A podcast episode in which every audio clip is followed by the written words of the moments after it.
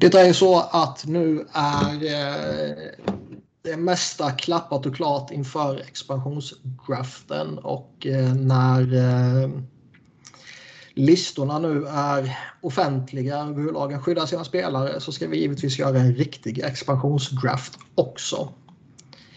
Sebbe nobbar oss den här gången också. Men... Det är tre veckor i rad, eller tre avsnitt i rad va? Ja, det måste det vara sjukt.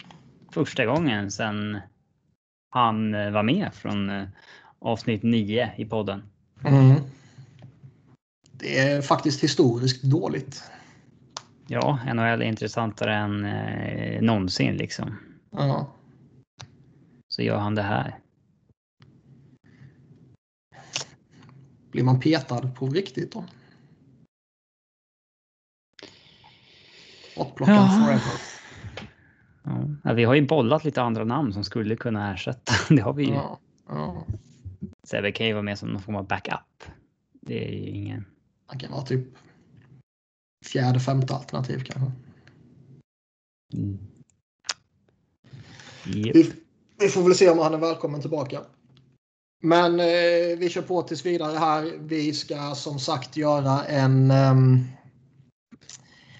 uppföljning kan vi väl säga av vår eh, senaste podd Mastodontpodden där vi eh, plöjde allting eh, inför expansionsdraften och plockade ett eh, relativt roligt men förmodligen väldigt osannolikt lag skulle jag säga. Mm. Så en grej vi, vi inte tänkte på var ju att eh, vi kan ju ta ett par UFAs också. Mm. Och förhandla med. Jag tyckte inte det kändes eh, jätterelevant liksom. Men den här gången lär vi göra det. Den här gången eh, är det ju mer relevant, ja. För det var väl... Eh, det har vi ju hänt lite grejer. Ja, och det var ju oerhört mycket som vi inte alls räknade med som hände. Oh ja. eh, alltså Bishop wavas inom moment exponeras. Carey Price wavas inom moment exponeras. Eh, alla såna här... Uh, typ att Ryan Getzlaff exponeras. Bara en sån sak. Mm. Det, inget, det, tänkte man inte. För, för fem år sedan när det var Vegas så då skedde ju inte sånt här. Alla exponerade, alla skyddade ju sina veteraner. Och det var ingen som bad någon att wava någon movement klausul. Det var ju bara Flurry som gjorde det. Och typ en spelare till tror jag. Vem det nu var. Ja, jag minns inte, det var en evighet sedan. Ja, Men det, det känns ju... Till. Ja, det känns ju som att det är oerhört mycket mer spännande grejer nu. Ja, alltså Seattle har ju mycket bättre förutsättningar att få ihop ett bra lag än vad Vegas hade. Vegas eh, snubblade ju bara in i ett bra lag. Ja, de misslyckades ju med sin plan att sätta ett dåligt lag på isen. ja, de skulle ju... De tog ju spelare som de tänkte trada bort inom ett halvår i princip. Mm och gjorde så många deals som möjligt där de tog en dålig spelare mot bra utbyte. Mm. Det är intressant också för eh, som vi var inne på här, Seattle har väl bättre förutsättningar att plocka ihop ett slagkraftigt lag på pappret här nu i alla fall. Och eh, samtidigt så är det ju också några drafter som kommer här framöver. Kanske inte riktigt detta året, men kommande år med några jävla prospects. Ja. Så man kan ju eh, också argumentera för att de ska försöka bygga genom draften de kommande åren.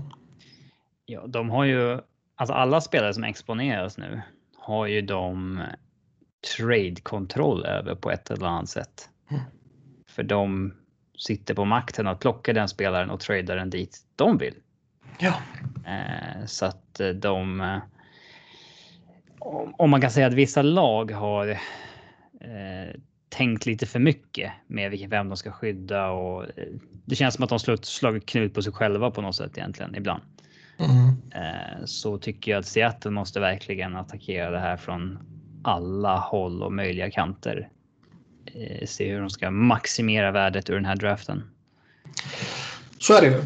Och nu under trade freezen så får ju bara Seattle göra grejer. Mm.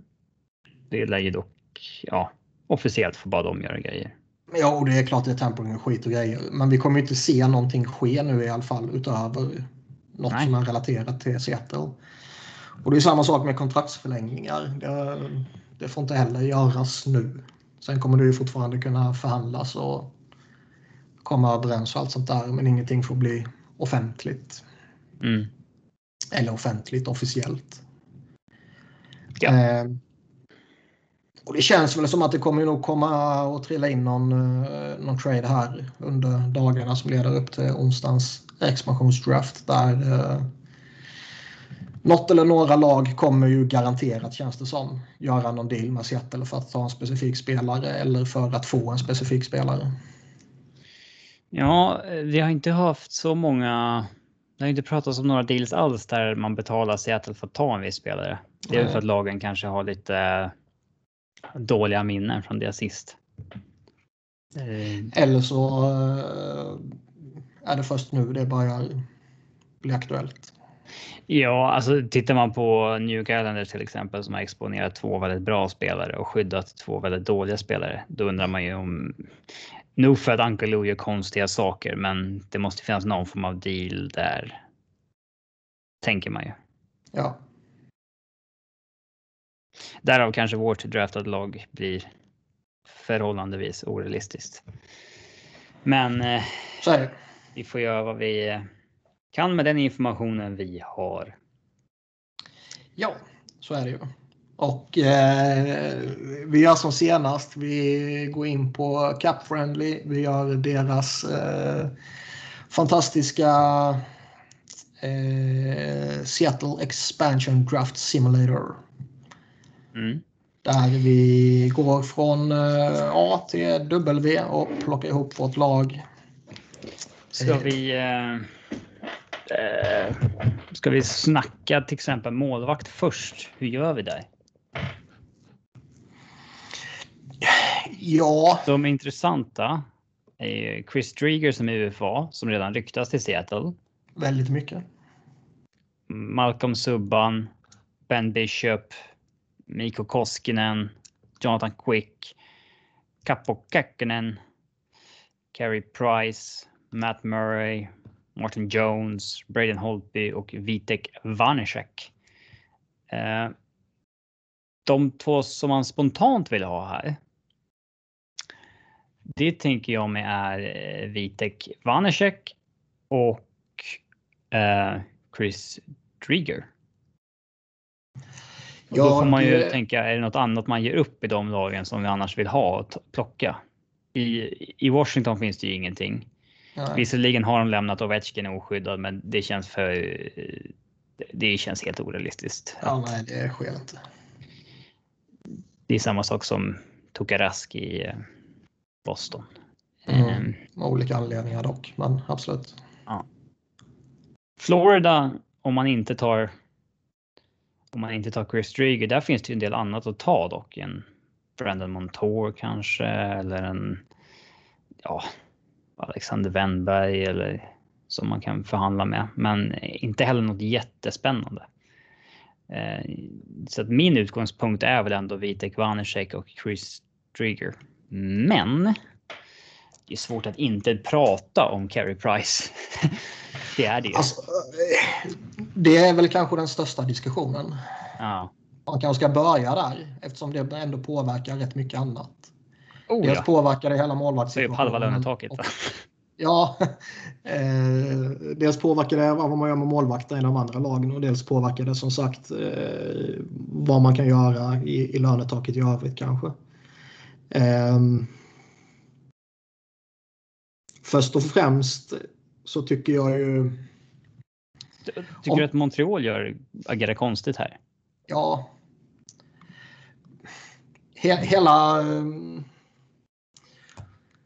hela grejen känns ju nästan som att man väntar på att det ska komma besked om att de har en, en deal med Seattle om att de ska ta eh, en specifik spelare. Mm, men det verkar inte vara in the works riktigt. Nej, men alltså, det, är många, det är många, många dagar kvar. Ja, Fast alltså vad fan.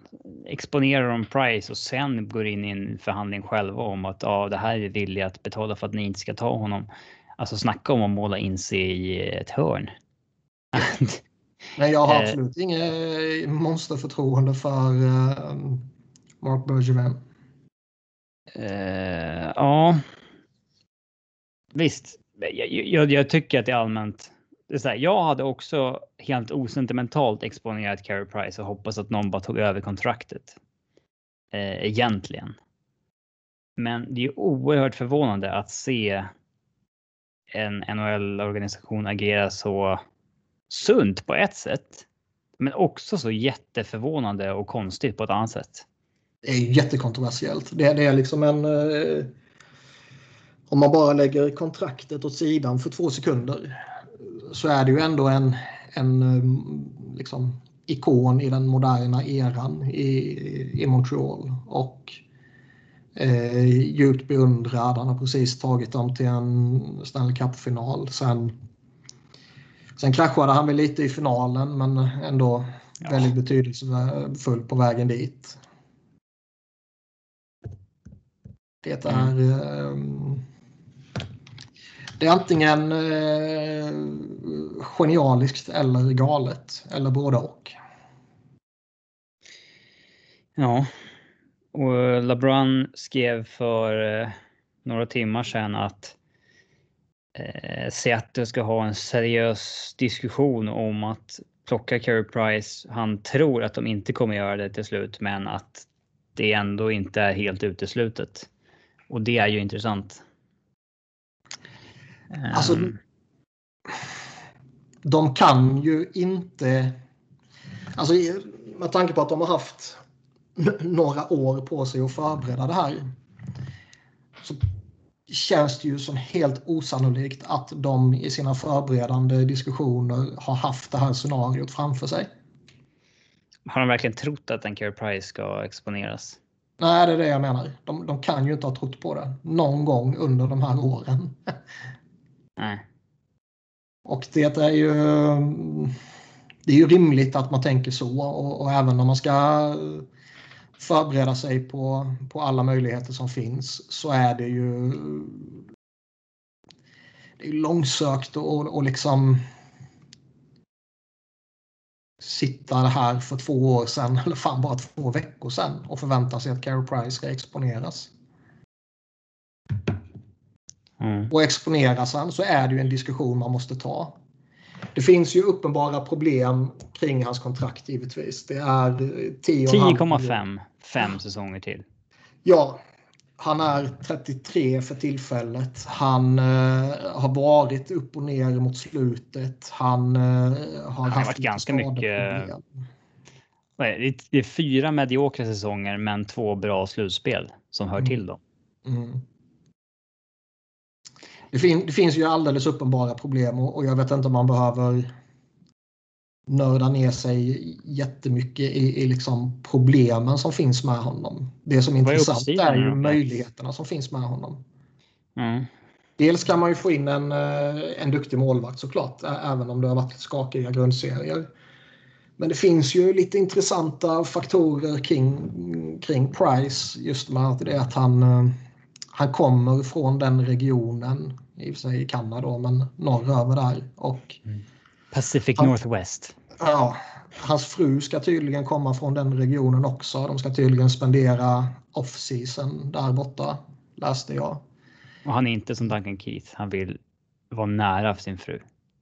Lite skillnad på att vilja vara nära sin fru och eh, ta det i relation till eh, exfru. Mm. Men eh, det, det, finns ju vissa kopplingar till regionen och jag menar han eh, han wavar, om, om, vi, om vi förutsätter att det inte finns en deal mellan Montreal och Seattle om att ta typ någon annan spelare. Um, så wavar han ju ändå sin no movement-klausul med en uh, vetskap om att han mycket väl kan plockas och behöver flytta dit. Mm. Sen finns det också den här, eh, jag läste att eh, hans fru har precis startat upp en business med Jeff Petrys fru i Montreal. Ja.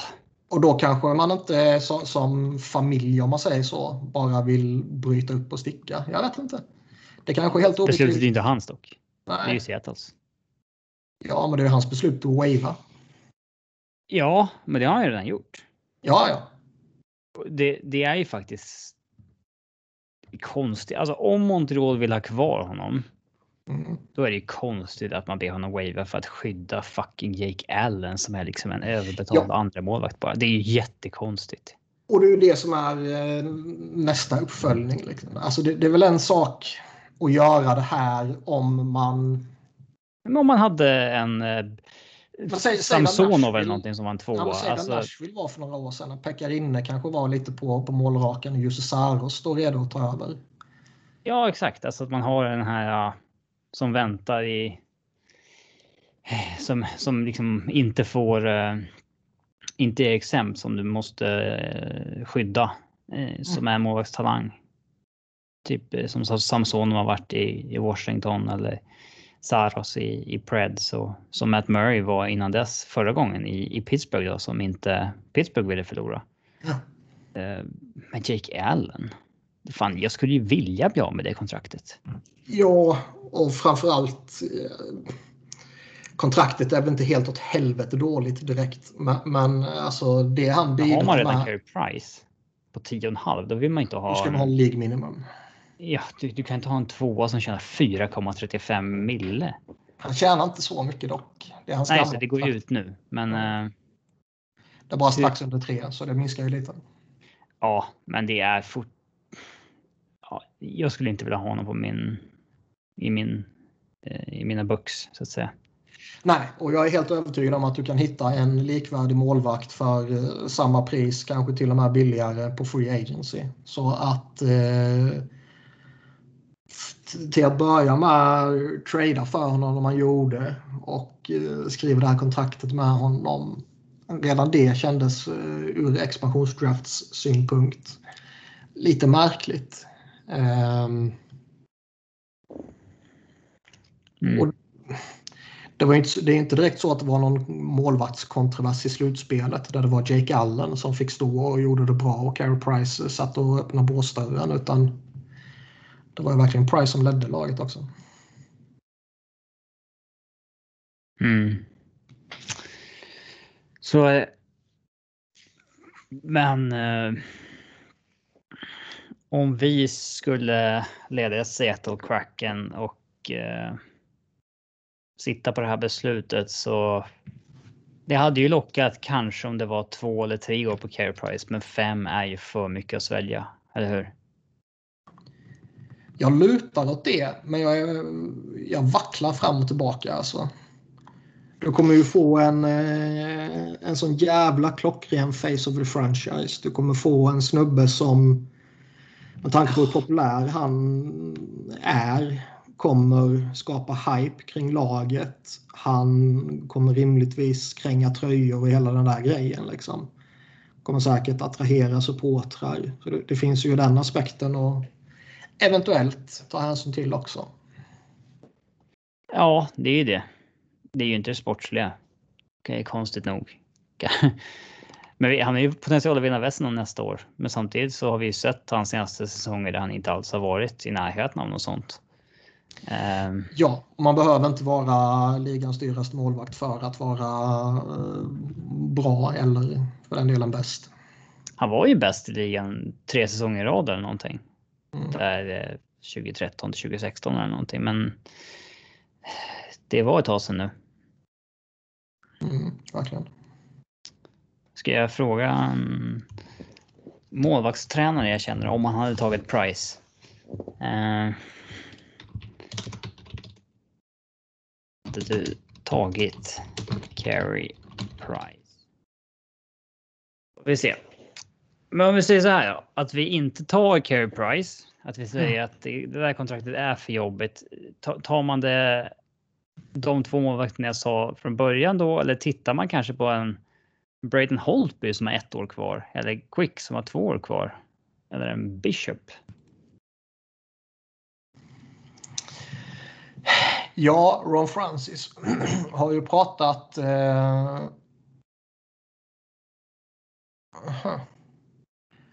Breaking as Seattle Kraken contemplate options. Sources say Carey Price's health has clouded the selection process. It's too soon to say for certain, but he may miss significant time next season with a hip injury, säger Frank Saravelli.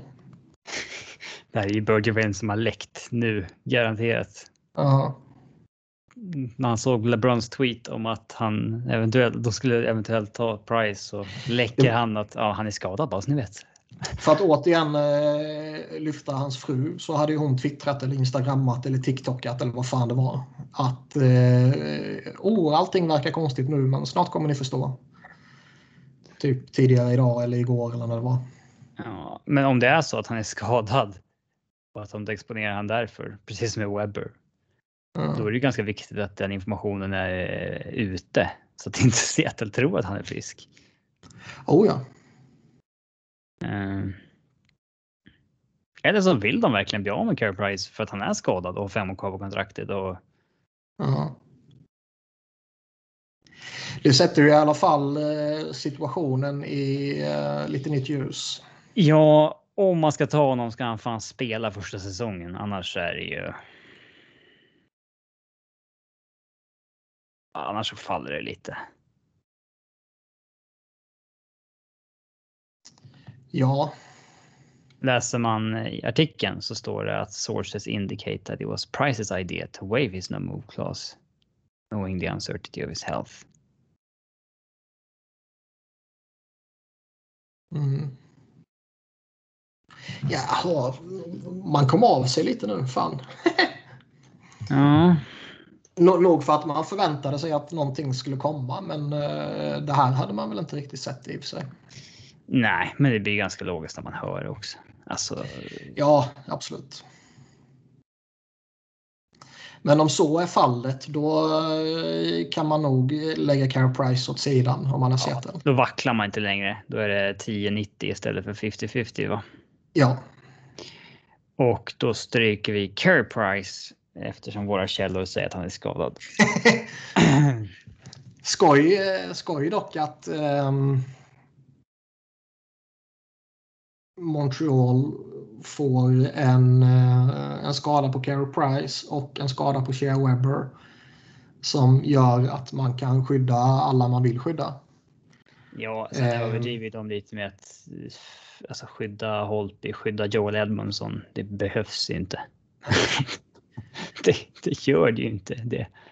Ehm, Men det är så, kan, kan man hitta konspirationsteorier så ska man ju leta efter dem, är min fasta övertygelse. ja. Och det har ju faktiskt, eh, just kring Shea Webber så har det ju lyfts det här att eh, jaha, det var ju lämpligt. Nu, eh, nu ska ligan verkligen kolla så att det här är på riktigt och bla bla bla. Så det är ju lite intressant ändå.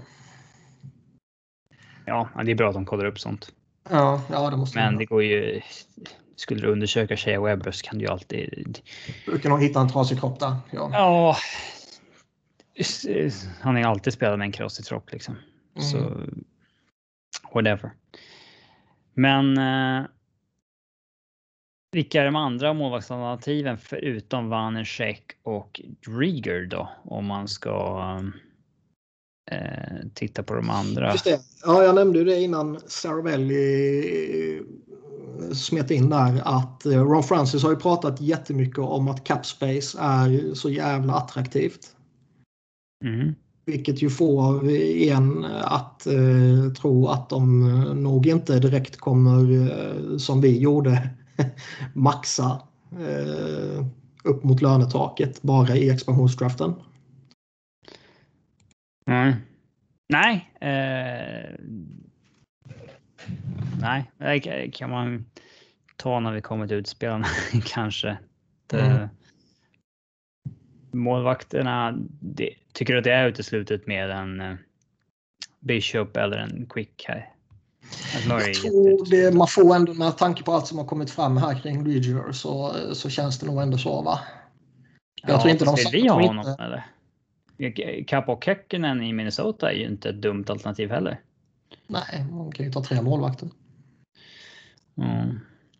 Det som lockar med Vanersek och Drieger är ju att det finns inget annat särskilt attraktivt i Florida och Washington heller. Nej, exakt. Det får man ju. Den grejen tar man ju beräkning. Mm. Ehm, så känner du dig. Eh, känner du dig trygg i att klicka i dem? Ja, det kan vi göra. Ni? Vi, sa jag. Vanersek iklickad och i Florida så tar vi Chris Drieger som är UFA så han måste vi signa till ett kontrakt. Um, Snackas väl om 3,5 har jag för mig. Mm. Sen uh, vill jag säga att uh, jag tycker att vi ska ta uh, av de här stora stjärnorna. Eller före detta stjärnorna kanske man ska säga. um, Webber, Subban, Duchene, Johansson, JVR, Voracek. Giordano, Skinner, Shattenkirk, Killorn Palat, Gord. Um, där jag skulle åtminstone ta tre stycken dyra namn som är bra. Retaina hälften och flippa. Det ska man väl i så fall... Ja, jag vet fan. Man har ju ändå möjlighet att få ett lag som är slagkraftigt direkt. Ja. Men Då vill man du... inte ta stora kontrakt och retaina hälften även om de är ettårskontrakt bara. Eh, alltså man kan ju eventuellt få ihop ett bra lag ändå. Om man... Jo, men jag tror inte, jag tror inte man vill, alltså som, som Francis sa, att, att capspace är så jävla viktigt. Så tror jag inte man vill Och det är det de kommer använda det till? Inte så många tror jag. Nej, det är två eller tre spelare de kommer drafta, retaina hälften och flippa. Som ja. har ett eller två år kvar. Tror du det? Det tror jag absolut. Eh, jag är mer skeptisk alltså. För första rundsval i kommande års draft. Mm. Något val, absolut. Jag kan också se att de eh, gör någon deal där de tar på sig ett, ett dåligt kontrakt för att... Uh, de dealarna är svårt för oss att förutse. Att säga. Mm. Men jag tycker absolut vi kan räkna in om vi vill. Typ eh, våra check. Eh, trada bort. Behålla halva lönen. Och addera ett första rundsval 2022. En gång till. Att man draftar våra check. Mm. Retaina hälften. Trada bort mot första val 2022. Ja. Eventuellt samma sak med Tarasenko, Niederreiter, Giordano. De är ju spelare som man skulle kunna göra så med. Eller JVR om man anser honom vara lättare att flippa än Voracek. Men får man ett förstahundsval för JVR, även om han är 50% retainad?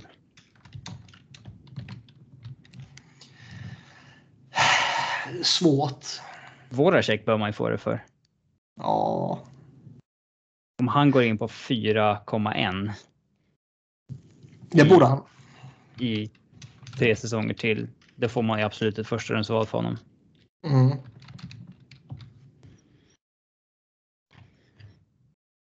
Det borde man få. Mm. Uh, den andra stora är ju Tarasenko. På det sättet. Ha, alltså, det tycker jag är en no-brainer att plocka. Och spela eller ett retain och flip? Eh, oklart. Men en no-brainer att plocka. Jag skulle plocka honom. Jag, jag vet inte fan om jag skulle ha någon, någon jätte... Um, alltså ska man, ska man plocka, säg, säg en Giordano eller Voracek eller JVR eller vad det nu skulle kunna vara så skulle jag ju kanske kolla runt lite i ligan att ja men vill ni ha den här spelaren till halva priset? Mm. Och ha allt på plats innan man gör det. Det sägs att man hade fyra fyra lag var intresserade av Tarasenko till full capita Ja. innan han exponerades. Ja. Och då är det frågan, var de, var de intresserade av att ta full capita om de fick betalt för det? Eller var de villiga att betala för att få honom med full capita? Det, det är en viss skillnad. Ja, man, man kan ju också se att eh, man kanske är redo att ta Tarasenko på, med full cap hit, men då kanske man eh, vill skicka iväg en full cap hit också. Ja, men om vi skulle drafta Tarasenko, retaina hälften så att han kostar 3,75, då får man ett första rundsval 2022 från honom också. Ja. Han, Men som sagt, jag skulle plocka honom och sen så eh, just han skulle jag kanske inte känna något behov av att eh, ha klart med på förhand utan jag skulle kunna tänka mig att plocka honom och eh, spela honom. Det finns, ju ja, en, det finns ju en risk i honom eh, med tanke på skadorna här mot, mot slutet och vilka, vilken status han är i. Men får man en 100% i Tarasenko så är det ju en jävla star power. Och eh, får man bara en 90% i Tarasenko är det fortfarande en, väldigt användbar spelare. ja. Men jag menar, om, om vi bestämmer oss för att göra den grejen så kan vi liksom räkna bort halva deras capita från vårt tak sen. Om vi liksom har det. Eh, Mm. om vi bestämmer att vi gör så så att säga. Mm. Så att vi fortfarande kan drafta spelare utan att capita den full så att säga. Absolut. Ehm, Ska vi klicka i eh, Tarasenko då?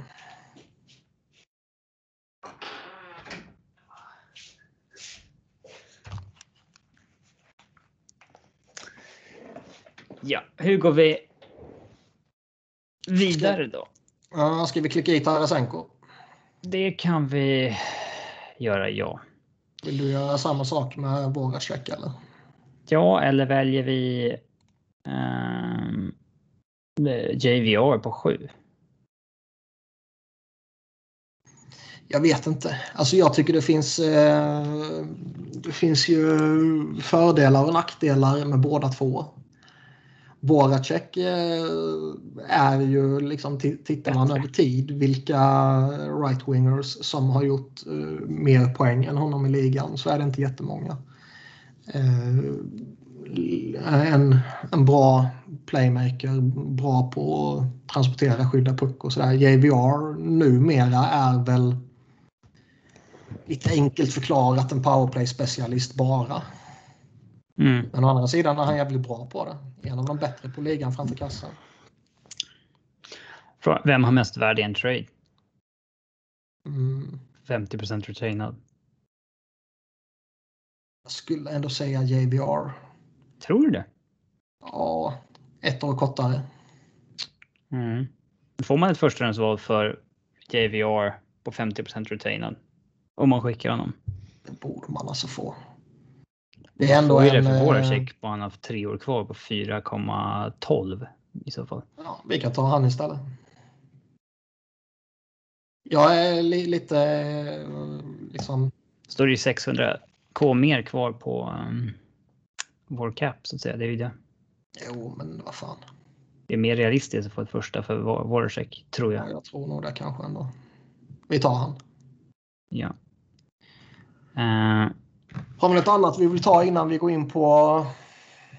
Eh, de stora stjärnorna så. Det är ganska givet att ta Giordano i eh, Calgary va.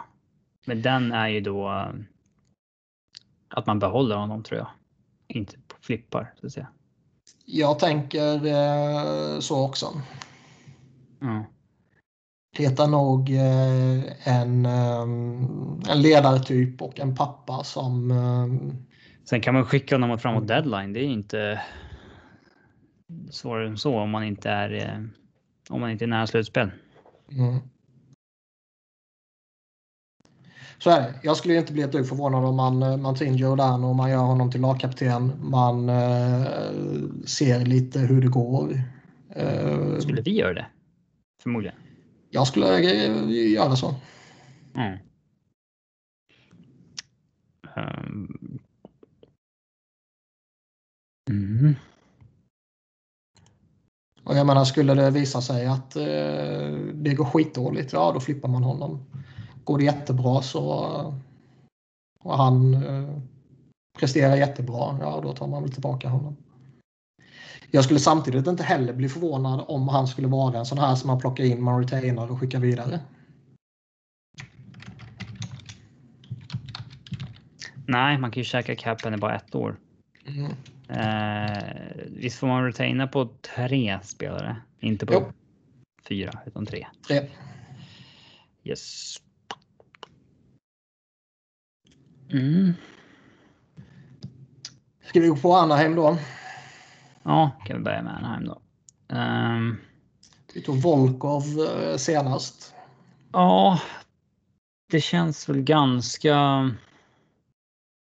Det, det är många som överdriver det här att eh, se att det måste komma upp i golvet också. Det gör de ju på en sekund om de vill. Det gör man jätteenkelt. Ja, du ska ju ta typ 1,8 mil i snitt per spelare eller någonting. Det är liksom. Eh, så det är snarare så att tar man för många spelare som kostar över en mille, då, då kommer man upp i taket ganska snabbt. Mm. Ehm, så det är uteslutet med en Adam Henrik tänker jag. Det är uteslutet med en uh, dyra djupspelare, Derek Grant till exempel. Mm. Ehm, det det står med han är väl Alexander Volkov och eh, någon av eh, de djupbackarna, Jakob Larsson eller Hayden Furry. Ja, och jag tycker fortfarande det finns, vi pratade ju, eller resonerade väl om samma grej senast. Jag tycker fortfarande det finns en, eh, en uppsida i Volkov som är spännande. Alltså. Ja, eh, men jag, samtidigt Som är mer spännande än de andra, ehm, Det finns ganska få bra backar faktiskt. Har jag för mig. Ja, men jag tycker väl inte att någon av dem är... Vi kan alltid gå tillbaka också. Mm. Att bara backsidan blir för svag, det är det man riskerar. Så att säga. Mm. Vi tar Volkov då i Anaheim så än så länge. Knallar vidare till Arizona. Som um, nyss har skaffat Andrew Ladd. Vi ska säga det om alla trades som har skett. Vi, får, vi tar det i annat tillfälle. Vi tar det ett annat tillfälle om det inte är så att de påverkar expansionsdraften väldigt mycket. Vilket några av dem gör. Mm. Eh, Arizona har inte mycket intressant för fem öre. Eh, det är ju inte så osannolikt att man bara tar en eh, Vi skulle säga det, förra gången plockade vi Aiden Hill här. Men han har ju blivit borttradad. Ja, just för att de var rädda att vi skulle plocka honom. Mm. Ehm, de har ju en intressant spelare i Michael Bunting som är UFA som kommer ha ganska mycket intresse kring sig, men det är en eh, en spelare som eh, är hypad kan man lugnt säga. Ja, jag skulle väl plocka han eller Christian Fischer och se om Fischer kan uh, hitta Ja, tillbaka på något sätt. Är det så att Michael Bunting inte, man inte kommer överens med honom, att man signar inget med honom, eh, då eh, får det väl eh, vara så liksom. Man har inte gått miste om något annat i Arizona som man hade velat ha. Nej, vi kan lika gärna ta han om vi ville. Ja, chansar vi på att signa Michael Bunting. Ja, Eh, Boston, Boston. de gjorde ju lite, eh, de skyddade ju Trent Frederick och exponerade både Nick Ritchie och André Kase. Mm. André Kasche plockade vi senast. Mm. Ligger vi kvar där? Mm.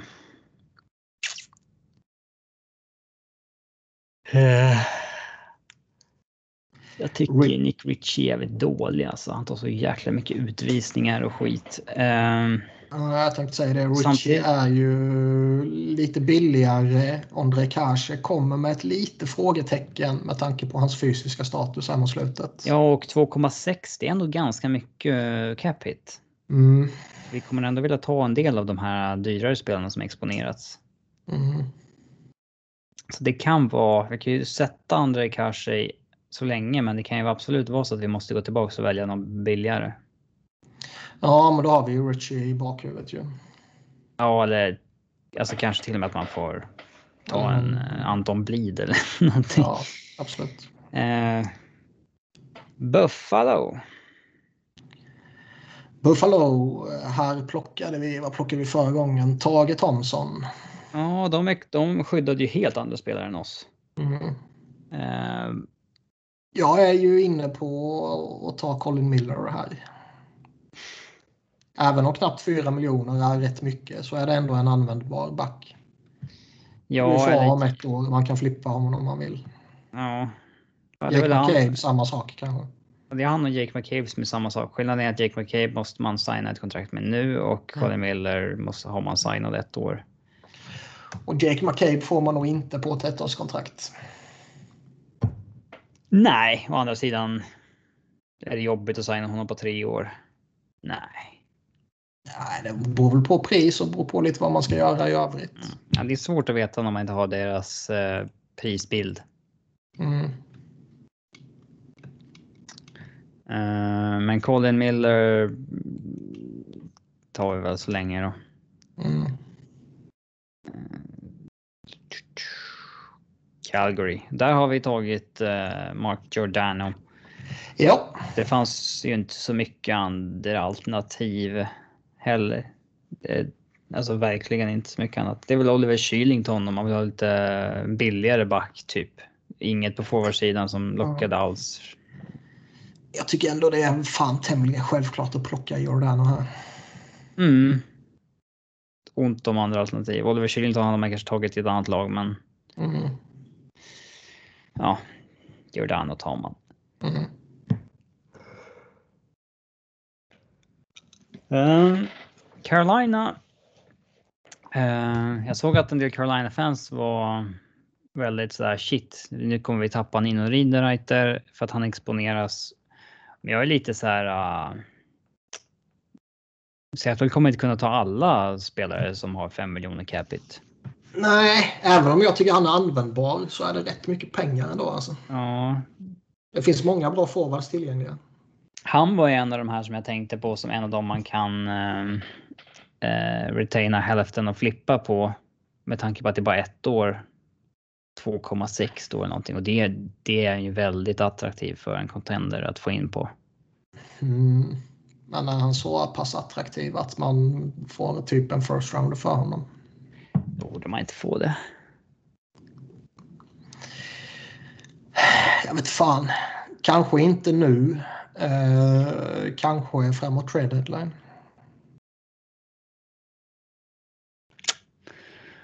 Alternativen är ju såklart att signa eller plocka Jake Bean. Ja, vi tog honom senast. Eller att man uh, går all in och liksom uh, tar Doggy Hamilton och försöker signa honom innan free öppnas. Det har ju pratats en del om att uh, Seattle vill gå efter honom. Mm. Men sen samtidigt som vi nämnde senast också så har ju Doggy Hamilton redan fått eh, tillåtelse och möjlighet att prata med alla lag.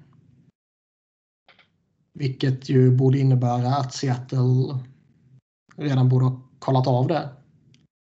Mm. Och då innebär ju det här att antingen vet man att det är helt meningslöst och claima honom nu för att han inte vill dit. Eller så vet man att eh, jo, jag vill eh, till er eller ja, jag överväger er eller två andra lag. Och då claimar man honom här för att försöka pusha in honom sista byten. För man tar, mm. om, om man har pratat med honom redan och man vet att han inte vill komma, då tar man ju honom inte. Mm. Eller kan man ta honom för att flippa honom? Eller flippa hans rättigheter snarare? De kan ju göra det med vissa lag känns det som. Mm. Men... Uh,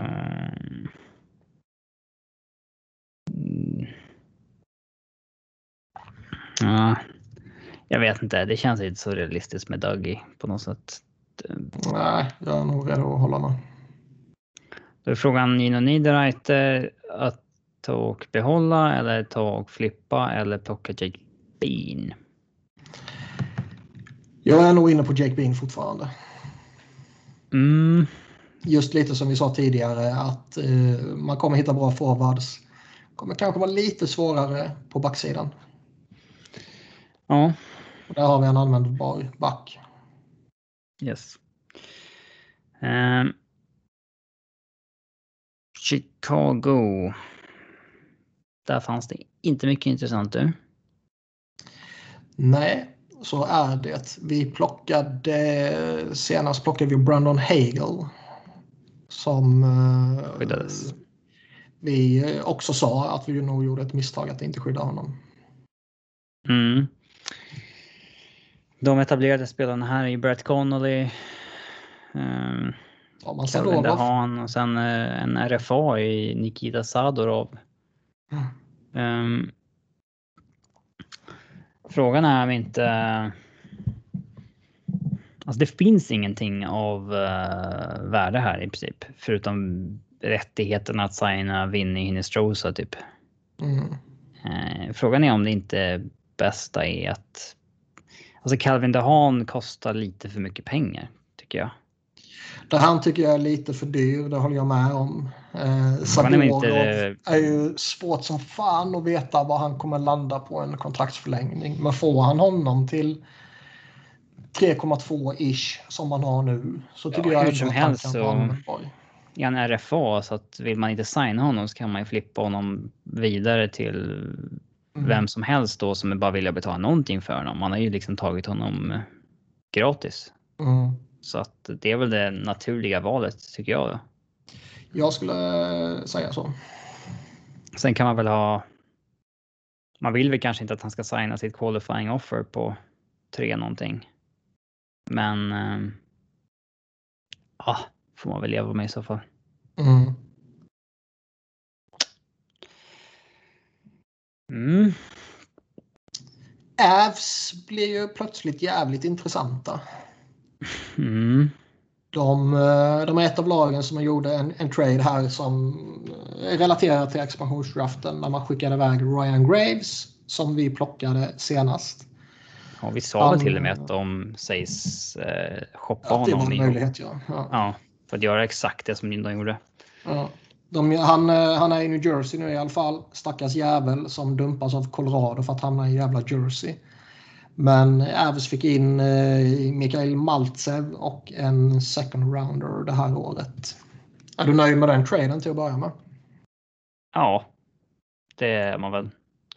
En kille som verkar vara så pass bra att han kan spela bottom six och en sen second rounder. Det var ju pick 61 ska sägas, men ja, man har ju inte mycket leverage när det är bara några dagar kvar tills man tappar honom gratis. För han var ju det givna valet att plocka.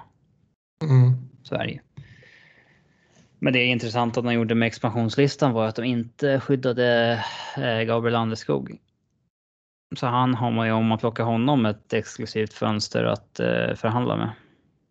Ja, och eh, även om vi var inne på det här senast också, men även om man kanske inte alltid ska lägga jättemycket vikt i att eh, penning UFAs inte skyddas så eh, Det är en väldig skillnad på att Ovechkin inte skyddas i caps. ja, Med tanke på att Ävs och Landeskog har inte kommit överens om ett kontrakt efter att de har försökt och Landeskog har uttalat sig om att han är eh, besviken på organisationen. mm, Det exakt. Det var, det var jag det. tänkte komma till att det här kanske är ett undantag på det.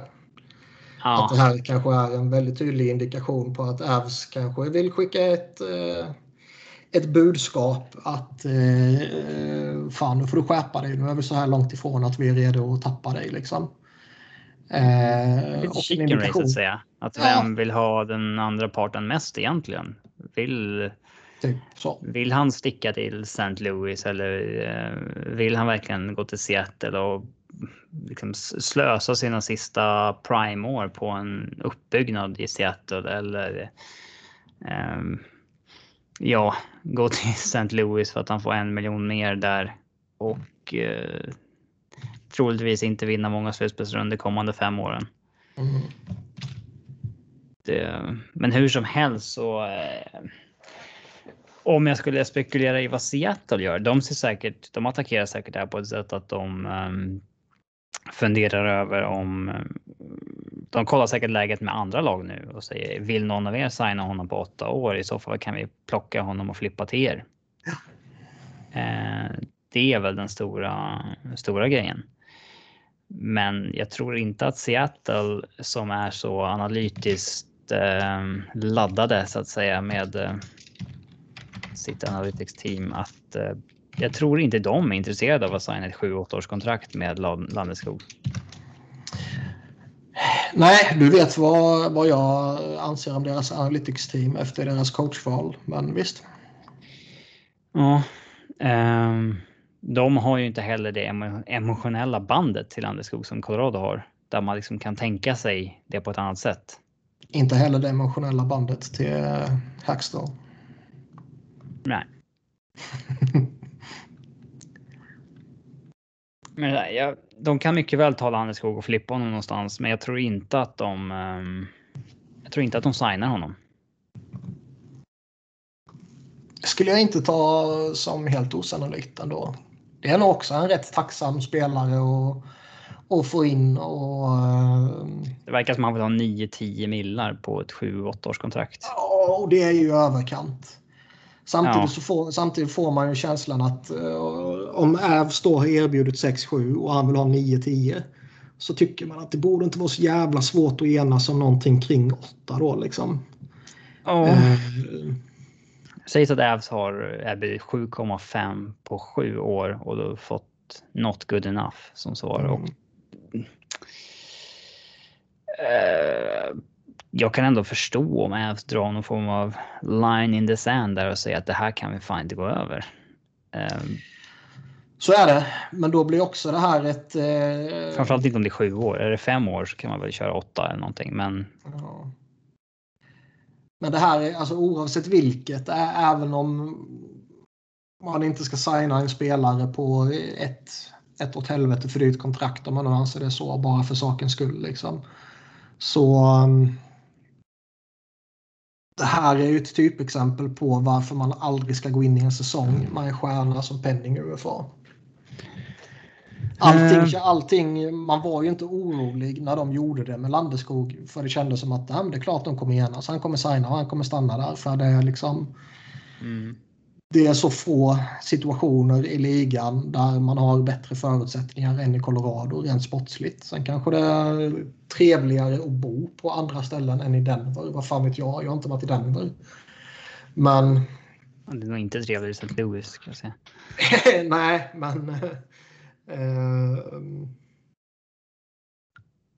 alltså, ja, nej. Typexempel på varför man aldrig ska gå in med Jag kan dock förstå om man vill liksom ha har man en power forward i 28 års åldern så vill man nog gärna titta det där extra året på eh, spelaren innan man committar igen så att säga. Mm. Um, det är jobbigt att signa ett år i förtid, sen så ser man ett tydligt decline komma sista året på nuvarande kontrakt innan nästa kickar in som man redan har signat. Mm. Nej, så är det ju. Men eh, jag menar, kan man inte enas om en eh, förlängning som man är bekväm med där då, då får man ju trada honom. Alltså, även om det där och då skulle känts som fel beslut så Visst, hindsight. Man har inte gjort det oavsett för att man vill gå för det så att säga. Ja, men eh, nu blir det kostsamt. Om man tappar honom. Jag vill tilläggas. Mm. Och det känns ju som att om man, eh, jag minns inte vad vi sa förra gången, men liksom om man tidigare var helt övertygad om att det... Ja, det känns mycket mer öppet nu för... Läsa, eh, exakt. För att det kan jag skulle, ju, skulle jag, vore jag AV-supporter skulle jag ju vara lite orolig. Ja, och grejen är ju så här att du vill ju inte. Det är mycket möjligt att om man om fem år känner att fan, det var tur att vi inte signade det där kontraktet med honom. Han är inte värd 8 miljoner längre. Mm. Men samtidigt nu AV ska vinna. Ja, man undrar ju då. Man står ju där om fem år också och undrar. Hade man haft en eller till och med två kupper om, om man hade signat honom? Mm. Ifall de inte har någon då. Mm. Sen, sen är det intressant att se vad de skulle göra ifall det blev så att han eh, stack. Att då, hur hade de ersatt? Hade de gått efter match Chuck eller? Vad hade de gjort? Mm. Det är intressant. Um, jag ska hämta min godispåse. ja. Viktiga grejer. Men äh, återigen, man ska aldrig låta sina stora stjärnor vara pending UFAs och gå in i säsongen med de förutsättningarna. Jag... Eh, om vi är Seattle här så... Alltså, jag vet inte, vad tycker du vi ska göra? Jag plockar Landeskog. Gör du det? Jag plockar Landeskog och jag eh, signar honom eller eh, tradar honom. Mm. Ja, kan jag. Alltså, jag tycker inte att det finns något annat som är Donskoj, det är liksom ett dåligt kontrakt. Alltså tar, tar man inte Landeskog då är det ju typ en JT Comfer som visserligen kanske kan locka lite. Det är kanske en Patrik Niemet som ger någon sån här hyggligt stabil djupback. Men, nu var i och för sig. Men... Ja, men där kan man ju lösa någonting. Men sådana backar kan man hitta flera av. Mm. Jag skulle ta Landeskog och, och gå för det jag vet inte fan vad jag hade signat honom till för kontrakt och om jag var... Ävs kan riskera mer för deras fönster nu liksom. Mm. Men Seattle vet fan. Nej, så är det. Men eh, flippa honom vidare då. Oavsett om det är så att du, du liksom... Det finns, som sagt, det finns verkligen ingenting av eh, jätteintresse i Avs utöver honom. Och Även om man plockar honom och han inte vill eh, signa eller man själva märker att oj, vi vill inte betala dig 10 miljoner. Så kan man alltid kränga honom vidare eller rättigheterna vidare till liksom, fan, St. Louis som kopplas ihop mycket med honom eller vad det nu skulle bli. Det är bara att claima honom och sen så säga att alla har rätt att snacka med honom och sen um, trada till den första som kommer in kommer över en deal. Ja, och om man sen får en first rounder för honom eller man får en third rounder eller fifth rounder så har man ändå fått någonting som man inte hade tidigare. Och man går inte miste om något annat i Avs. Så jag skulle ta honom utan att tveka. Mm. Avs hoppas att man blir av med Donskoj, eh, vilket jag, alltså jag skulle nog gissa att säga att ta honom på något sätt. Han, han snittar ändå alltså 30 mål om det hade varit vanliga säsonger, de här två. Eh, det är ändå ganska svårt att hitta. Mm. Om, det inte, om man inte betalar Tarasenko pengar såklart så att säga. Mm. Men visst, vi tar Jabbe. Eh. Columbus. Mm. Vi plockade, vad plockade vi här senast? Uh, ja, det var inte så, vi tog nog Dean Kokan. Det var nog inte så att Max Domi var exponerad då? Jag minns inte. Nej, vi skyddade Max Domi. Mm. däremot så tror jag inte man tar honom va? 5,3 är rätt mycket. Även om det bara är ett år när man kan testa honom lite sådär. Så... Um, är vi är uppe i halva capen redan. Liksom. Det... Ja. Vi kan ju gå igenom alla lag. Eh, igen sen på slutet och se om vi har cap över, om vi vill uppgradera till någon dyrare eller så. Men. Eh, Lutar vi lite åt klubben fortfarande? Ja, det, nästa alternativ är väl liksom Kevin Stenlund som en billig djup forward typ. Mm. Eh, men Kokan ser det väl ut att bli nu skulle jag säga. Ja. Dallas. Dallas där finns det inte mycket intressant du. Vi konstaterade väl tidigare att vi inte vill plocka Bishop i alla fall. Mm, nej, det gör man inte. Här tog vi Jason Dickinson, men uh, han skickade dem ju till Vancouver. Just det, han blev tradad till Vancouver. Mm. Och fick en third rounder i utbyte. Mm. Jag skulle säga att man plockar eh, Jamie Oleksiak och försöker signa honom. Mm. Som en ganska bra djupback, så här 3 gånger 3 eller någonting. Ja, han är rätt användbar faktiskt. Han är stor som fan, men Ja. ändå inte Logan Stanley dålig. Nej, Nej det, det kan jag stå bakom. För det finns inget annat som är spännande. Nej, verkligen inte. Detroit. Det tror jag. Här plockade vi eh, Dennis Chalavsky senast. Ja. Eh, Skyddade vi Troy Stetcher? Det här var innan vi ha Nick gjort. ledde i traden också. Ja. Eh, men jag tror inte den direkt påverkar vilka de skyddar här. Men, Men vi kan ju ha skyddat han. Ja. Annars borde vi nog tagit honom istället för Chalavsky känns det som. Ja, det är dyr kanske, men. Jag gillar ju Vladislav Namestnikov som en bra djup forward här på två mille. Men eh, frågan är hur mycket pengar vi har kvar.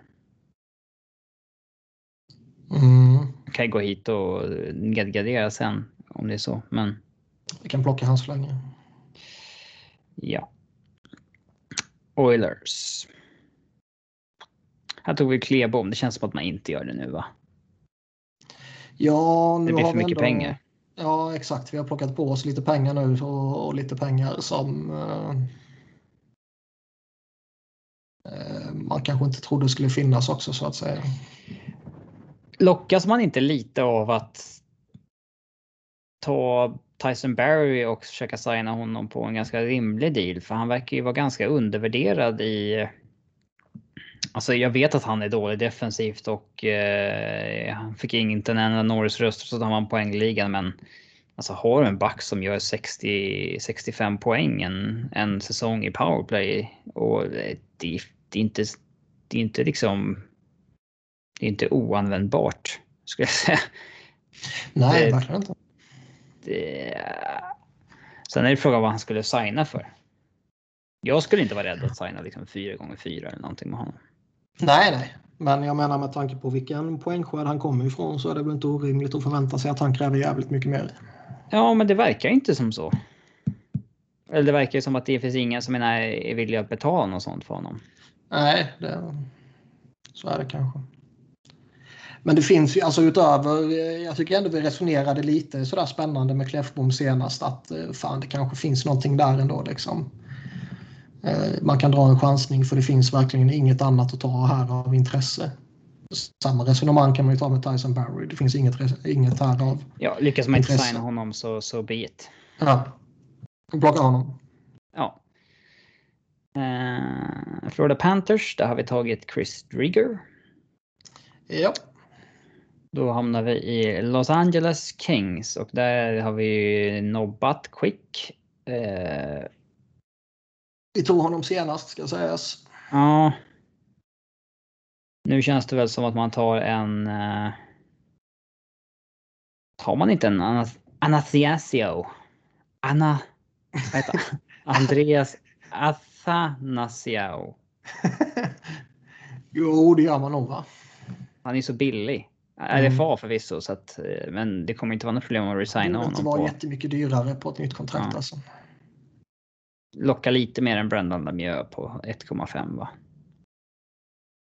Vad sa du? att? Det lockar lite mer än Brendan Lemieux på 1,5. Ja, Lemieux är en jävla idiot. Mm. Eh, Minnesota Wild. Och här... eh, Carson Susi tog vi här senast. mm, finns risk att han är lite dyr. Um, Capo Käkkonen. ja, som tredje keeper är det väl ganska bra alternativ tänker jag. Mm. Du vill ju inte signa, du vill inte ta Nick Bjugstad eller Viktor Rask. Du tar ju inte UFA, Marcus Johansson eller Nick Bonino. Inte heller Ian Cole. Eh, Det är väl en kille, alltså Ian Cole är väl kanske en back du skulle kunna gå efter på Free Agency sen som din femte, sjätte back. eh, Baserat på vad han ser ut att landa på. Men du tar inte honom här tror jag. Nej, och du har ändå en hyggligt intressant målvakt tillgänglig. Ja, i Billy Capit på, Ja. på honom. Ehm, och ja, Montreal då. Carey Price, Shea Webber, Jonathan Duran. Det finns ju att välja på här. Det, det gör det. Ja, man kan ju även fundera på en sån som Dano. Ja, försöka För signa. va? Ja. Jag vet inte, alltså han... eh, Det var lite... Jag, jag är lite så här, jag är ju... Han nobbade 6 gånger 6 innan pandemin. Mm. Det kommer han inte få igen. Eh, Men han kommer ändå från ett jävla monsterslutspel så kraven Ja. kommer vara höga och han kommer förmodligen få ett stort kontrakt. Men för mig ser han ut som en defensiv tredje center. Men han vill ju upp i hierarkin. Jag vet inte om han riktigt har de offensiva toolsen för att spela i en topp Han är en tredje center för mig. Ja, för mig med. Och då kommer han inte vilja... En väldigt bra tredje center ska sägas. Ja, hade han varit RFA så... Jag vet inte, det känns inte som att han... eh, Nej, inte som UFA. Tror jag inte jag skulle... Vi tog ju Duran senast. Ja, lutar man åt det fortfarande. Det är ju lite dyrt så vidare, men eh, det finns ju uppsida där fan. Mm. Tar han slängar eller? Ja. Och Preds exponerar både Duchene och Johansson. Och Grimaldi och Järnkrok och... Vilka fan skyddar de egentligen? Tänker man. det var ju... Ja, det var ju fem backar. Ja, bara en sån sak. Eh, Men de... eh, Vi tog Grimaldi senast jag för mig va? Ja. Mm. Men då har jag för mig att eh, vi, vi skyddade både Sissons och Järnkrok va? Nej, Sissons skyddade vi bara. Ja, det lockar ju faktiskt lite med Järnkrok bara på ett år på två mille. Ja, jag tror vi exponerade Järnkrok va? Valde Ja. mellan han och Grimaldo tror jag senast. Ja, det gjorde vi kanske. Jag skulle nog ligga kvar på eh, Grimaldi ändå. Jag Ja, gillar Carlton samma, Sissons, det är samma peng. Ja. Design, alltså 2,8 till 2026, det, det tar ju inte över. Nej, nej, jag tänkte säga det. Jag gillar honom. Eh, pengarna kanske inte är superproblem egentligen, men termen vill man nog undvika. Alltså. Mm, Och jag och Duchene inte- Johansson är ju uteslutet. Ja, jag tycker det. Även om även om man blir centertunn eh, via draften tror jag så eh, vill man nog ändå undvika dem och försöka lösa centerpositionen på ett annat sätt i så fall. Ja, vi måste ju inte sätta fyra centra nu. Det kan ju vara precis som när Vegas draftade. De tog typ fem målvakter eller någonting och sen flippade de runt målvakterna och hade sig. Så Ja. att, eh, Och de har fortfarande inte tillräckligt med centrar. ja, man tar ju. Man tar de spelarna som har mest värde. Och sen Ja. så. Man, man måste ta nio backar, 14 forwards. Det är bara det som vi har att förhålla oss till. Mm. Ehm, New Jersey, vi tog ju Subban sist, men ja, det, det kan fan vara för dyrt alltså. Det, Det känns ska som att, eh, ja, vi ska visserligen så vi är uppe i 60,6 miljoner nu. Om vi flippar eh, våra check så ska ju 4,2 bort. Så det, det lämnar ju en del. jag tror typ att i de 60 så inkluderar de ju typ Landeskogs nuvarande och sådär också. Eh, Så- nej, det gör de inte. Det är i alla fall inte lagts till när vi har tryckt dit dem. Gjorde inte det? Jag tror det gjorde det. Nej. Jo. När jag klickar ur han nu så sjunker det till 55. Klickar jag han upp till 60. Mm.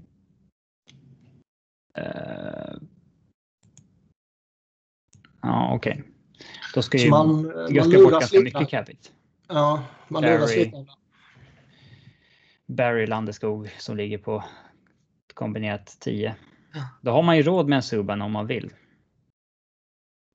Ja. Det är väl... eh, Jag har för mig att vi måste väl ha skyddat Andreas Jonsson senast. Ja. Men eh,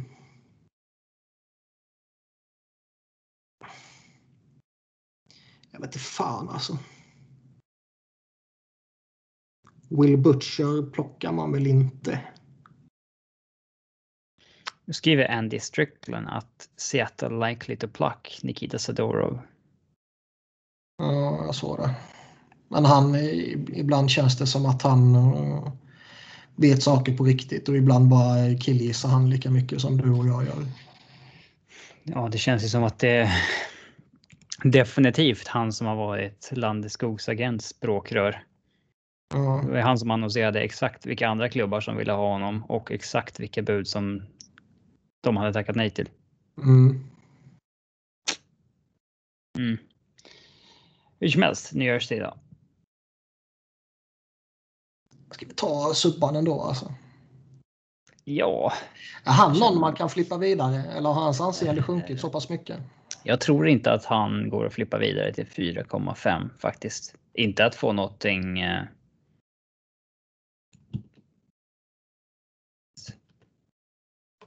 Mm. Ska vi ta honom då? Som vi sa förra gången, det är en spelare som man kan uh, ja. marknadsföra skiten ur. Och här kommer vi då till intressanta Islanders som har lämnat två bra spelare fria och är det så att vi känner inte till någon form av deal som har hänt eller så, då är det ju jättegivet att ta en Josh Bailey som är en jättebra topp 6 forward tycker jag. Mm. Konstig situation här. Senast plockade vi Kiefer Bellows men då exponerade ju vi Clusterfuck och eh, Martin. De exponerar Jordan Eberle och Bailey. Är det så? Kan det bara vara så att Uncle Lou helt enkelt eh, vill försöka dumpa lön? De behöver ju göra det. De eh, betalade ju nyss för, för att dumpa Andrew Ladd och det kanske inte eh, de anser räcker. Vilket kanske kan vara rimligt att anta också. Nu efter att de dumpat iväg Ladd så har de 12 miljoner att spendera och de har både Casey Sisikas som de rimligtvis vill behålla för att behålla sin som superkedja. De har Anthony Bouvier som ska signa nytt och de eh, kommer rimligtvis få betala en hel del pengar till Adam Pellage också. Så de kanske vill ha skaka loss eh, ytterligare lite cash för att kunna behålla en Palmieri eller ta in någon annan. Mm. Jag tror absolut att det, är, eh, det handlar om att man vill bli av med, med lön. Givet att ta Josh Bailey va? Ja. Han är bra på riktigt. Ja. Uh, Rangers. Rangers plockade vi Brett Howden senast. Och han flyttade dem ju. Han flyttade dem eh, till Vegas. Vegas? Vegas. Vi måste ta ganska många kontrakt som löper längre än uh, 21-22. Mm. Sju kvar. Mm. De har också tradat till sig Barclay Goodrow ska sägas som oh, exponeras här. Men uh, plockar man honom? Nej, inte med tanke på vilka rykten på vad han ska signa för kontrakt. Nej, men man kan skicka honom vidare. Jag vill inte heller signa honom tror jag. Men uh, alltså det finns ju... Vad finns det att ta liksom? ja. Det kan vara så att vi behöver ta kontrakt. Uh, för vi har inte tagit så många. Vad tar man då? Blackwell pratade vi om senast har jag för mig va? Har vi verkligen bara tagit 13 kontrakt som är Alltså måste, det är för att vi får, RFA räknas inte med, eller hur? Liksom. Nej. Nej. Konstig regel. Mm. Eh, nej, men vi tar eh, Goodrow så länge då så, så får vi se vad som... Eh, och vi, vi har sju lag kvar. Vi behöver ta sju kontrakt. Mm. Ja, vi får gå tillbaka. Ottawa plockade vi Dadonov senast. Mm. Håller man det valet? Har man råd? Mm. Matt Murray har vi ju nobbat. Annars är det en anmärkningsvärd spelare som är tillgänglig. Josh Brown är en hyggligt billig back. Som är användbar.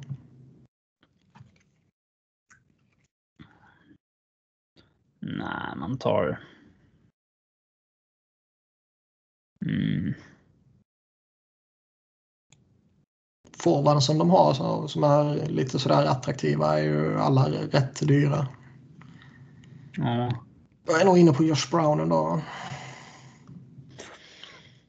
Eller... Um, Vi får kontraktet där också. ja, eller tar man Dodona och sen går vi tillbaka och... Um, Vi tar han så länge då. mm.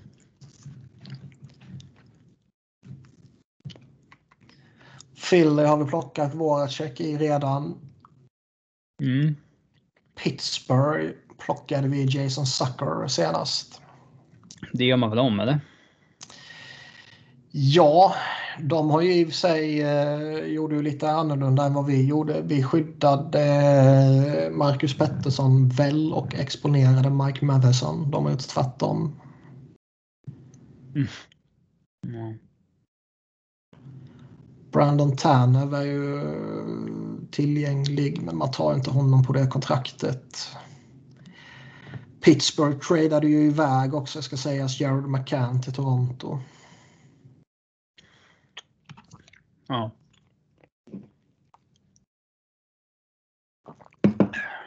Nej, alltså det är bara saker som är intressant. Um, Ja. Vi tar han och går vidare. San Jose. Vi tog Jonathan Dahlén senast. mm. Nu är han borta. Men inte fan skyddade de honom. Nej, det kan nog varit att han inte är liksom eligible på något sätt. Mm. Um, nej, regeln som sagt. Eh, vi, tar, vi tar väl Donato. Han är väl en bra jävla forward. Bra jävla forward vet jag inte, men visst. En användbar bra forward. St. Louis har vi plockat Tarasenko från Ja. så Tampa. Det är ju den bästa spelaren Johnny Gold. Ja, vi plockade han senast också. Jag ser väl ingen anledning till att eh, ändra på något där. Eh, Toronto. Här plockade vi Kerfoot senast. De har som sagt tradat till sig Jerry McCann också. Och exponera honom. Eh, Ja, det kan ju tyckas lite konstigt, men de betalade ju typ ingenting för att ta honom så att de eh, försäkrar sig mot att de tappar ju bara en av McCann och Crawford. sannolikt ja. Det konstiga är att de går 4 plus 4 och skyddar så som de gör bara för att de vill skydda Justin Hall. Mm. Det är konstigt. Uh, men Jared McCann är väl den absolut attraktivaste här tycker jag. Ja, jag tar ju nog hellre honom än Kerfoot. Mm. Uh, Canucks. Vancouver. Här plockade vi ju den här um, Jona Gadjovic. Som Ja, hade- vi får nog, vi får nog rikta in oss på det för att det är Mm. så mycket över den taket nu så det kan bli svårt att lösa. Mm, han är billig och han fyller kontraktskvoten också. Ja. Det finns ju fan ingenting annat. Nej. Winnipeg exponerar Dylan DeMello för att skydda Logan Stanley och det får vi straffa dem för genom att ta Dylan DeMello som är en väldigt solid NHL-back. Ja, Eh, Även fast Mason Appleton är tillgänglig så vi måste ha en nionde back. mm. Så då är vi uppe i 99 millar i... har, du glömde Caps. Ja, då har vi tagit Vanecek. Nej, Vanecek, ja. Just det. Eh, Vi är uppe i 99,8 miljoner. mm, Vi har Lönetaket är 19 på av 20 81,5. kontrakt för 21, eller för 21-22 säsongen. Ja, så vi måste fortfarande ändra någonting så att vi får in ett kontrakt. Vilken UFA är det vi kan strunta i? Vi har tagit Michael. Eh, det börjar med vi får kanske Det var något lag vi satt och pratade om att vi skulle, vad fan var det? Michael Bunting var ju en. Var Rangers var det. Vi tog Eh, Barclay Goodrow. Ja, Goodrow då. Nej, där får man väl ta någon som har kontrakt. Julian Gauthier eller eh, Ja, typ Blackwell. Typ. Blackwell. Vilken tar vi? Ja, Blackwell. Billigast. Så. Eh, Då fyller vi alla kvoterna i alla fall. Vi har draftat 30 av 30. Vi har plockat 14, eller 18 av 14 forwards. Vi har plockat 9 av 9 backar. 3 av 3 målvakter. 20 av 20 kontrakt för 21-22 säsongen. Vi har landat på 99,6 miljoner. ja, Men som sagt, det är ju då inkluderat alla eh, de här eh, penning UFAs. Den faktiska lönetaksträffen är 77 miljoner. ja. Då har vi alltså Men- 4,5 miljoner kvar att signa. Ja, Drieger, Oleksiak, Bean, Barry, Sadorov, Kashe, Donato, Anastasio, Bunting och Landeskog. och vi har ju då eh, planerat för att trada iväg några stycken. Ja, de som lockar att trada iväg är ju Voracek. Lite Tarasenko också om man kan liksom retaina hälften och få ett första. Det beror på lite vad man får där. Jag skulle vara redo att eh, behålla honom också. Kan det vara någon som Vi kan, ha... innan vi börjar resonera så här så kan vi ju bara rabbla hela laget igen. Det är ju Capo Käkkönen, Vitek Vanecek och Chris Dridger som tre målvakter. Vi har PK Subban, Mark Giordano, Colin Miller, Dylan DeMello, Dean Kukan, Jamie Oleksiak, Jake Bean, Tyson Barry och Nikita Sadorov som backar.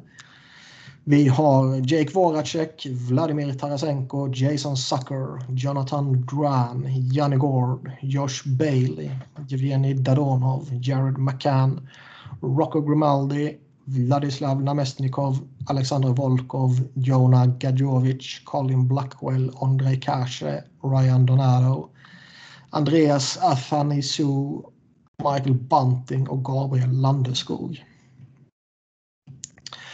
Och jag tror spontant att vi har eh, tagit ett oerhört mycket dyrare lag än vad Seattle kommer göra. Ja. Man tror ju att de, när man ser alla de här dyra spelarna som finns tillgängliga så man kommer snabbt upp i taket alltså. Mm. Det är inte alls så säkert att man tar en eh, en Donskoj från Colorado till exempel. Eh,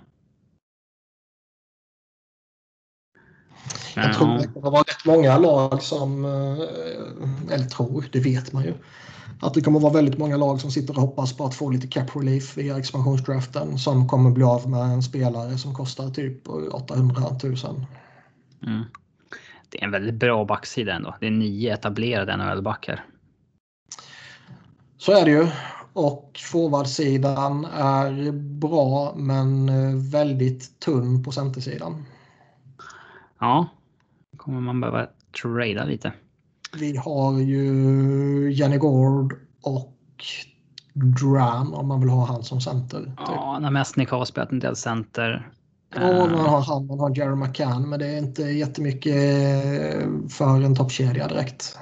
Som är, eh, eller två toppkedjor om man säger så. Som är, eh, man litar fullt upp där. Att slänga in Johnny Gord som andra center, det är vi väl trygga med. Typ. Men ja, de skulle fan behöva en första center alltså.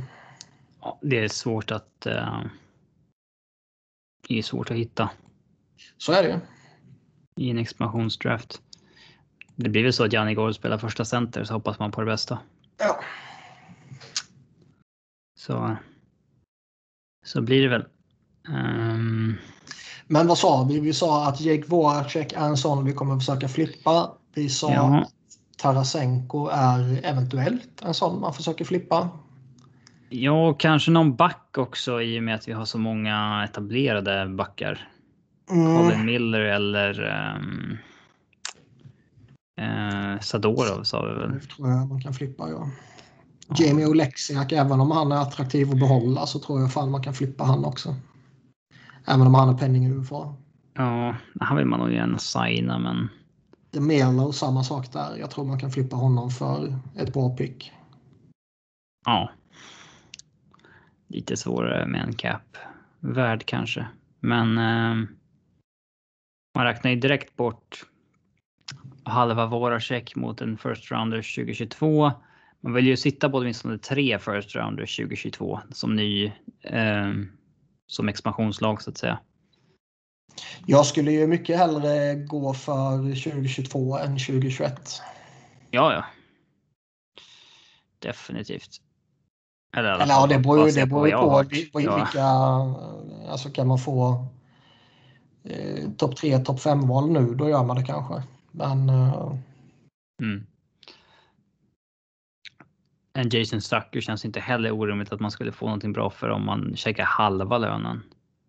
Nej, det borde han vara väldigt attraktiv tycker jag. Ja. Sen är det problem att nästan, det, nästan alla har ju två år. Det kanske är så pass eh,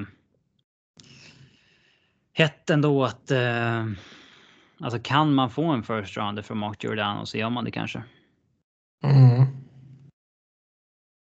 I och med att han bara har ett år kvar på sin capita.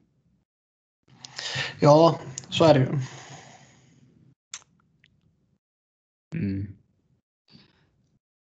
Så man preliminär spikar väl trades på Voracek, Sadorov, Giordano och någon forward till. Um, kanske Tarasenko till och med. Då försöker man bygga kring Sucker, Duran, Gord, Bailey. Dadonov, Namestnikov, Grimaldi. Ja, alltså där, man får ju en bra offensiv där. Sen får man se hur det blir med Landeskog och uh, uh, Barry och så vidare. Ja, det känns ju helt klart som att man har bättre förutsättningar på pappret nu än vad Vegas hade. Skulle man flippa uh, Giordano försvinner ju 3,35. Våra check 4,12. Eh, Sadorov ingenting. Eh, Tarasenko 3,25. Där försvinner ju ändå. Jag skulle nog inte bli jätteförvånad ändå om man eh,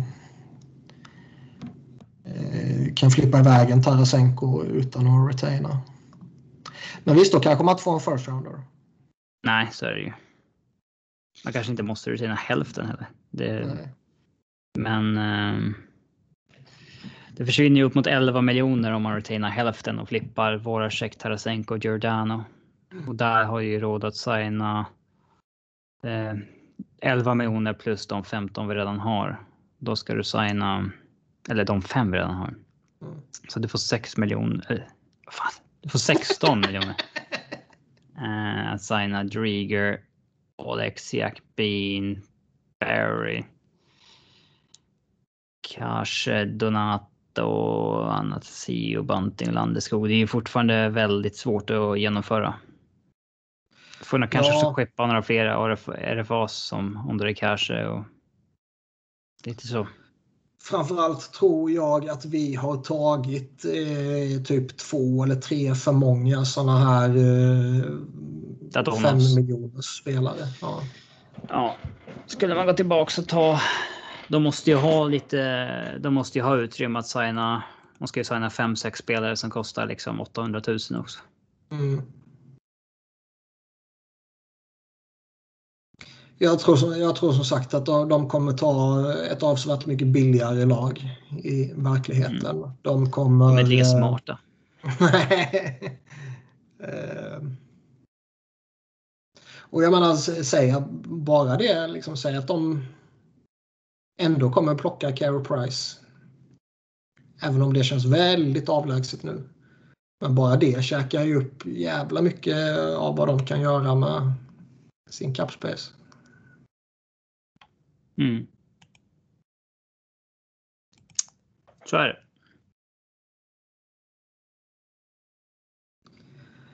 Ändå ett... Eh, det vi plockade tycker jag ändå är ett slagkraftigt lag. Ja, det känns som att Vegas eh, känns mycket, hade mycket sämre förutsättningar än... Mm. Skulle vi gå tillbaka och göra om någonting nu så man skulle väl kanske ta bort Dadonov på 5 miljoner. Eh, för att det ska bli lite mer realistiskt att behålla eh, så mycket av laget så att säga. Mm. Någon mer big ticket man kanske inte tar är väl... Subban. Det är väl det. Nio är mycket alltså. Och du har redan Tyson Berry. Och mm. Colin Miller. Och DeMello mm. på högersidan. Mm. Så det är väl det. Skulle vi, ska vi gå tillbaks och bara peta bort Subban och eh, Dadonov? Och se vad man tar då. För jag trycker fortfarande på Montreal när jag tänker på Subban. uh, Ottawa. Tar man bort Dadonov och tar, du måste fortfarande ta någon under kontrakt. Mm. Annars får vi göra en större rokad så att säga. Man kan ta en fjärde målvakt i värsta fall. Vi pratade lite om Josh Brown tidigare. Tittar man på en forward så... Jag vet inte fan alltså. Ja. Jag klickar ju Josh Brown så länge. Eller så länge. Det blir väl han. Mm. eh, och går vi till eh, Devils med Subban så... Tar man Andreas Jonsson istället? Ja, Will Butcher är inget dåligt val heller ska sägas. Men... Eh, ja, men nästan 4, 4 miljoner i en backbesättning som redan är stark. Mm. Så är det väl. Nu tog vi Joshua Brown istället också. Så byter man ut det till det vi har nu så... Ja, då finns det ju... Plötsligt 13 miljoner i capspace och då kan vi... Plus de 11 som vi tänkte trada bort. Trada, ja. Så då har vi... Ja, vi har nästan 14 i cap, så vi har 24 millar att signa. Oleksiak, Beanberry, eh, Drieger. Eh, Landeskog, Bunting, Anastasio, Donato kanske. Det känns lite mer realistiskt. Det känns lite mer doable, ja. Mm. Det är ju så här att eh, alltså skulle man göra det här som Seattle, då sitter du ju och tar. Eh, alltså, du måste ju attackera det här från alla håll och kanter att ha ett scenario där du draftar Subban, ett scenario där du inte draftar Subban, ett scenario där du tar Tarasenko, ett scenario där du inte tar Tarasenko. Uh, du måste verkligen göra om det här och nöta om och om igen tills du liksom, vad är det bästa laget du kan få ihop? Eller vad är det mesta värdet du kan få ihop i spelarvärde? Ja, antingen för att ha det bästa laget för att vara så slagkraftiga som möjligt så fort som möjligt. Eller för att få så mycket värde för att wheela och deala. Eller för att eh, sätta ett lag för att bygga via draften de kommande 3-4 åren. Vilket jag inte tror de kommer göra med tanke på vilka bra spelare det finns tillgängligt. Men eh, vem vet? Mm. För både 22 och 23 finns det ju riktigt fina spelare som eh, ja, om man får tidiga draftval man kan lägga beslag på. Men det mm. känns, alltså, med tanke på vilka förväntningar kan man kanske ändå säga man har fått på sig efter Vegas eh, succé. Och med tanke på vilka bra spelare det finns tillgängliga att plocka här nu så känns det väldigt osannolikt att man går in och ska börja tanka det första man gör som Seattle. Det tror jag inte på. Nej, de har mycket bättre förutsättningar att bli bra på en gång. Ja. Och de kommer spela i Pacific Division som är pissusel. Mm.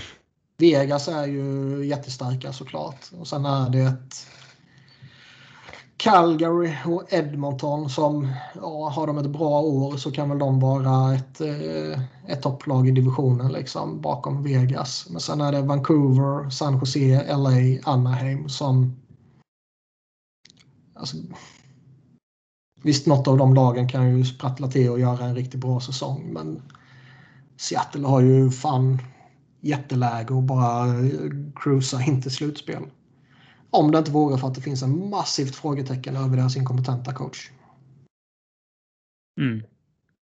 Men som jag redan slagit fast så eh, kommer ju han leda dem till Stanley Cup. Stanley Cup. Um, vi kan säga via placen, det är ju expansionsdraften. Om någon uh, undrade över det. Tidigare man, jag, jag minns inte hur man gjorde 20 uh, eh, med Vegas expansionsdraft, men det har blivit allt svårare på senare år att hitta strömmar till uh, trading deadlines och sånt där tycker jag. Så draften, att, eh, vanliga draften har ju alltid visats de senaste åren. Ja, expansionsdraften minns jag inte hur det var med. Ja, för mig, men jag minns inte riktigt. Det blir ju inte. Det blir ju inte en draft på det sättet att när vi hade en draft med Minnesota och Columbus samtidigt och de plockar varannan spelare, då blir det ju lite av en draft. Mm. Men. Äh, Nej, nu är det ju bara ett tv-spektakel. Man ja. annonsar lite namn. Ja, hur som helst. Den, och eh, allting läcker ju i princip. Eh... Ja, det vore kul om de kunde hålla det lite grann. Ja. Utan att läcka ut. Du vet, de, de ska ju lämna in eh, valen Seattle på morgonen typ. Och sen så har de showen på kvällen. Mm. Så jag ja, menar. Och de kommer ju meddela spelare och sånt där att du har blivit plockad och sånt där i, ja. i eh, för att verka lite schyssta, att man säger till innan sådär. Mm. Um, hur som helst, den kommer gå på Viaplay torsdag eller onsdag natt klockan två. Mm.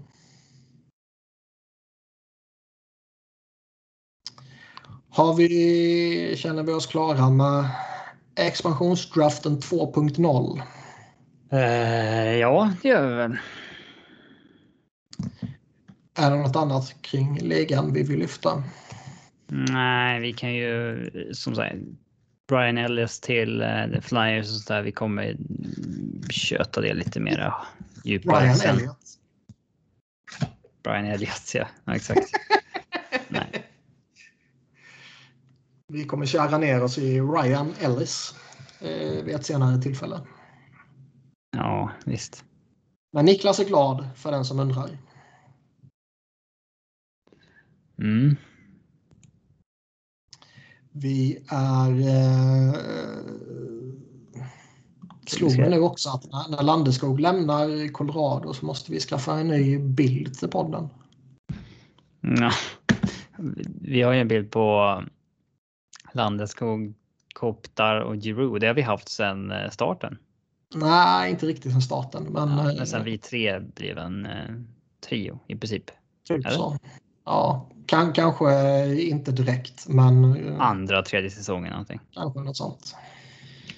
Eh, nu twittrade LeBrun att Carey Price ska se en, se en. Han ska träffa en doktor i... Han ska se en på stan. I New York angående ett knäproblem. Och kanske inte behöver operation, men vi får se. Det, det var ju liksom en höft som Cervelli snackade om. Mm. Man gillar ju inte 33-åriga målvakt som har både problem med knä och höft. Säg en 33-årig målvakt som inte har det i och för sig, men ändå. Det... Ja, eller så är det bara eh, fusk och konspirationsteorier. Ja, visst. Det, sk alltså, det skulle ju vara jävla skoj om uh, det kommer fram i efterhand att Mark Bergevin och Montreal bara fuskade. Det är inget fel med Shea Weber eller Carey Price. Opening night spelar bägge två. Ja. Vad skulle hända då? Ingenting. Nej, jag, jag, tror faktiskt att ligan inte hade blivit glad då. Nej. De hade nog absolut kunnat åka på någon straff likt Arizona åkte på för uh, uh, det här med draftfusket. Mm. Men det är en annan grej att slänga en sån ticket på uh, lilla Arizona eller på mäktiga Montreal. Oh ja. Och det kanske Bergevin vet om också. Ja. Lite så. Nåväl, vi, eh, vi nöjer oss där. Vi får väl se när vi petar in nästa avsnitt. Det kan väl bli lite mer eh, tajtare nu. med tanke på vad som kan hända och så vidare. Men vi får se när vi är tillbaka. Om vi kollar på expansionen som börjar klockan två och ska pågå en och en halv timme så um, kan vi podda direkt efter eller kommer du vara för trött för det? Tar den bara en och en halv timme tror jag. Den är schemalagd på Viaplay i en timme och 45 minuter. Ja, fan. Det brukar ha lite marginal. Jag, eh, minnet man har är ju att det var ett större spektakel när Vegas gjorde det. Men det kanske är för att det var Vegas och dels för att det var, inte var en jävla pandemi då. Oh. Pre-pandemic. Uh, mm. Ja, vi får väl se. Yep. Men eh, tack för den här gången. Yep.